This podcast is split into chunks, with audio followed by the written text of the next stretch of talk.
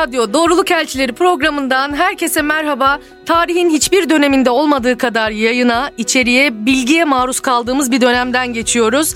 Medyayı ve sosyal medyayı anlamak, gündemi yorumlayabilmek, iş ve sosyal hayatımız için doğru kararları almak için dijital okur yazarlık şimdi her zamankinden daha önemli. Dünyayı daha doğru algılamak, daha rasyonel kararlar vermek ve dijital dünyada bilinçli birer vatandaş olabilmek için doğrunun peşindeki yolculuğumuz sürüyor. Bugün bu konuda çok önemli bir hizmet veren, meseleye ilişkin farkındalığın kamuoyunda oluşmasında çok büyük rolü olan Teyit.org kurucusu ve yöneticisi Mehmet Atakan Foça bizimle. Hoş geldiniz.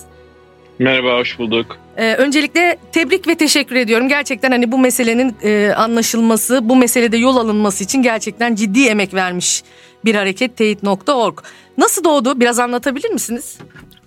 Tabii olur. E, Teyit.org e, 2016'da kurduğumuz bir doğrulama girişimi. Şu anda Türkiye'nin e, bağımsız e, teyitçilik alanındaki en önemli kurumlarından biri. E, biz 2016'da e, çok Türkiye çok önemli ve sıkıntılı bir dönemden geçerken, çok ciddi kriz anlarının içinden geçerken e, teyit.org'u hayata geçirdik. Biliyorsunuz özellikle duygusal yoğunluğun yaşandığı dönemlerde e, insanlar internette daha fazla e, bilgi paylaşıyor, daha fazla duygusal reaksiyonla paylaşımda bulunabiliyor. Bu tarz durumlarda yanlış bilginin yayılmasına oldukça geniş bir alan tanıyor. Hı hı. E, böyle bir alanda teyit.org aslında doğdu ve 2016'dan sonra da e, özellikle seçim dönemleri başta olmak üzere e, çok e, yakından bir takiple hem sosyal medyayı hem medyayı Hı hı. E, incelemeye devam etti ve açık kaynaklara dayanarak hangi bilginin doğru, hangisinin yanlış olduğunu e, internet kullanıcılarıyla paylaştı. En temelde yaptığımız faaliyet e, ve çalışmalarımız e, böyle başladı. Hı hı. Şimdi biz e, bu haftaya kadar olan yayınlarımızda hep konuklarımızla e, bu işin nerelere varabileceğini, aslında dezenformasyonun ne kadar tehlikeli noktalara gidebileceğini konuştuk farklı bakış açılarıyla. E, sizin yaptığınız işlerden yola çıkarak bu işin varabileceği en kritik noktaya dair güncel bir örnek verebilir misiniz bize? Ee, şimdi biliyorsunuz yani sadece Türkiye'nin problemi değil tüm dünyada hı hı. E, internetin e, yaygın kullanılmaya başlanmasıyla e, ve biraz da bilgi alışverişimizdeki kuralların, ilkelerin ee, ve yaygınlık kriterlerinin değişmesiyle aslında yaygın medyada internet medyasına geçişte e, internetteki yanlış bilginin çok daha e, farklı yankı fanuslarına erişebildiğini e, hatta e, normal günlük hayatımıza sanal olmayan hayatımıza da etkiler bırakabildiğini gördük. Hı hı. Son yıllarda özellikle bununla alakalı e, eğer topluluklar, toplumlar belli sınırlardaysa, belli konularda e, ciddi sıkıntılar yaşıyorlarsa bu sıkıntıları e, yanlış bilginin arkasına sığınarak biraz daha köpürtebiliyor veya çok daha ciddi sonuçlara varabilecek e, olaylara sebep verebiliyorlar. İşte bunun e, en son zamanlardaki örneklerinden e, birini verebilirim. E, Suriyeli mültecilerle alakalı e, bir mahallede WhatsApp grubunda dolaşan yanlış bilgi o mahallelinin işte sokağa inip Suriyelilerin camlarını taşlamasına, dükkanlarına saldırmasına kadar varabilmişti birkaç yıl önce Ankara'da. Hı hı. Bunun daha da uçlaştığı yerlerde Hindistan gibi ülkelerde e, yani çocuk kaçır, çocuk kaçırdığı iddiasıyla e, araba görüntüsü sosyal medyada paylaşılınca insanlar e, bu bilginin doğru olup olmadığını kontrol etmeksizin e, hemen arabayı ve sahiplerini bulup yakmışlardı. Yani iki kişinin ölümüne sebep oldu. E, sadece WhatsApp'ta, internette dolaşan ve kontrol edilmeden e, insanların birbirine WhatsApp gruplarından paylaştığı bir bilgi.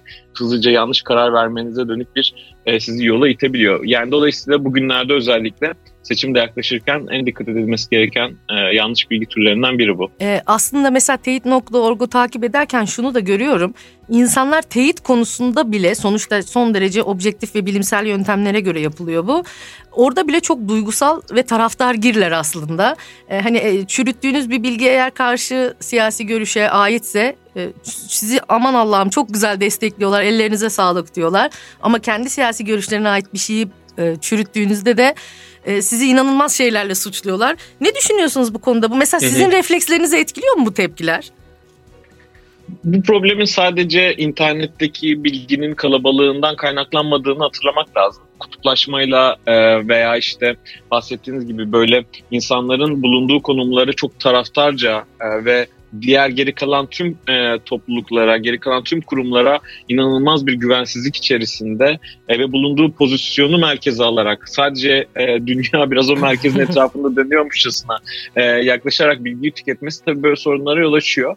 E, yani bunun tek başına çözümü teyit.org değil, farklı e, kurumların farklı e, mekanizmaların sistem seviyesinde farklı e, işbirliklerinin hayata geçmesi gerekiyor ki e, bahsettiğiniz örneklerle e, karşı karşıya kalmayalım. Yalan söylüyor ama çalışıyor noktasındayız herhalde. Gibi evet. E, bu teyitçilik meselesi aslında hani sadece medyada ya da sosyal medyada gördüğümüz şeylere ilişkin bir farkındalık değil de hayata teyitçi gözüyle bakmak diye bir şey var sanırım. Siyasi tercihlerimize, tüketim alışkanlıklarımıza, ilişkilerimize e, bu şüphe kasıyla bakmanın e, fark yaratacağını düşünüyorum. Siz ne diyorsunuz? Hani gerçekten bu sadece medya ve sosyal medyaya ilişkin bir şey mi yoksa hayatın geneline ilişkin bir tutum mu? E tabi zaten biz e, sürekli bir şüphe kasını geliştirin vurgusu yaparken biraz da bunu kastediyoruz. Hani karşınıza çıkan bilgiyle e, e, karşı karşıya geldiğiniz e, fikirlerle veya dünya görüşleriyle e, bir şekilde e, diyalog içerisindeyseniz ya da bunlarla sık sık karşı karşıya geliyorsanız bir şüphe kasınızı canlandırmak e, sizi koruyabilir. Yanlış hı hı. kararlar almaktan ve bu bilgi bombardımanı içerisinde e, sizi yorulmaktan kurtarabilir. Yani şüphe kası deyince sadece bunun içine teyitçilik girmiyor. Biraz hı hı. daha kendi e, sosyal medya kullanımımızı ölçeklendirmek, biraz daha bunun e, alanını yaşamımıza daha az temas edecek şekilde kontrol edebilmek, e, biraz da dijital minimalizm ya da işte dijital dirayet gibi meseleler de e, bence şüphe kası dediğimiz meselenin içinde bunu bir bütün olarak ele almak Hı-hı. açısından önemli.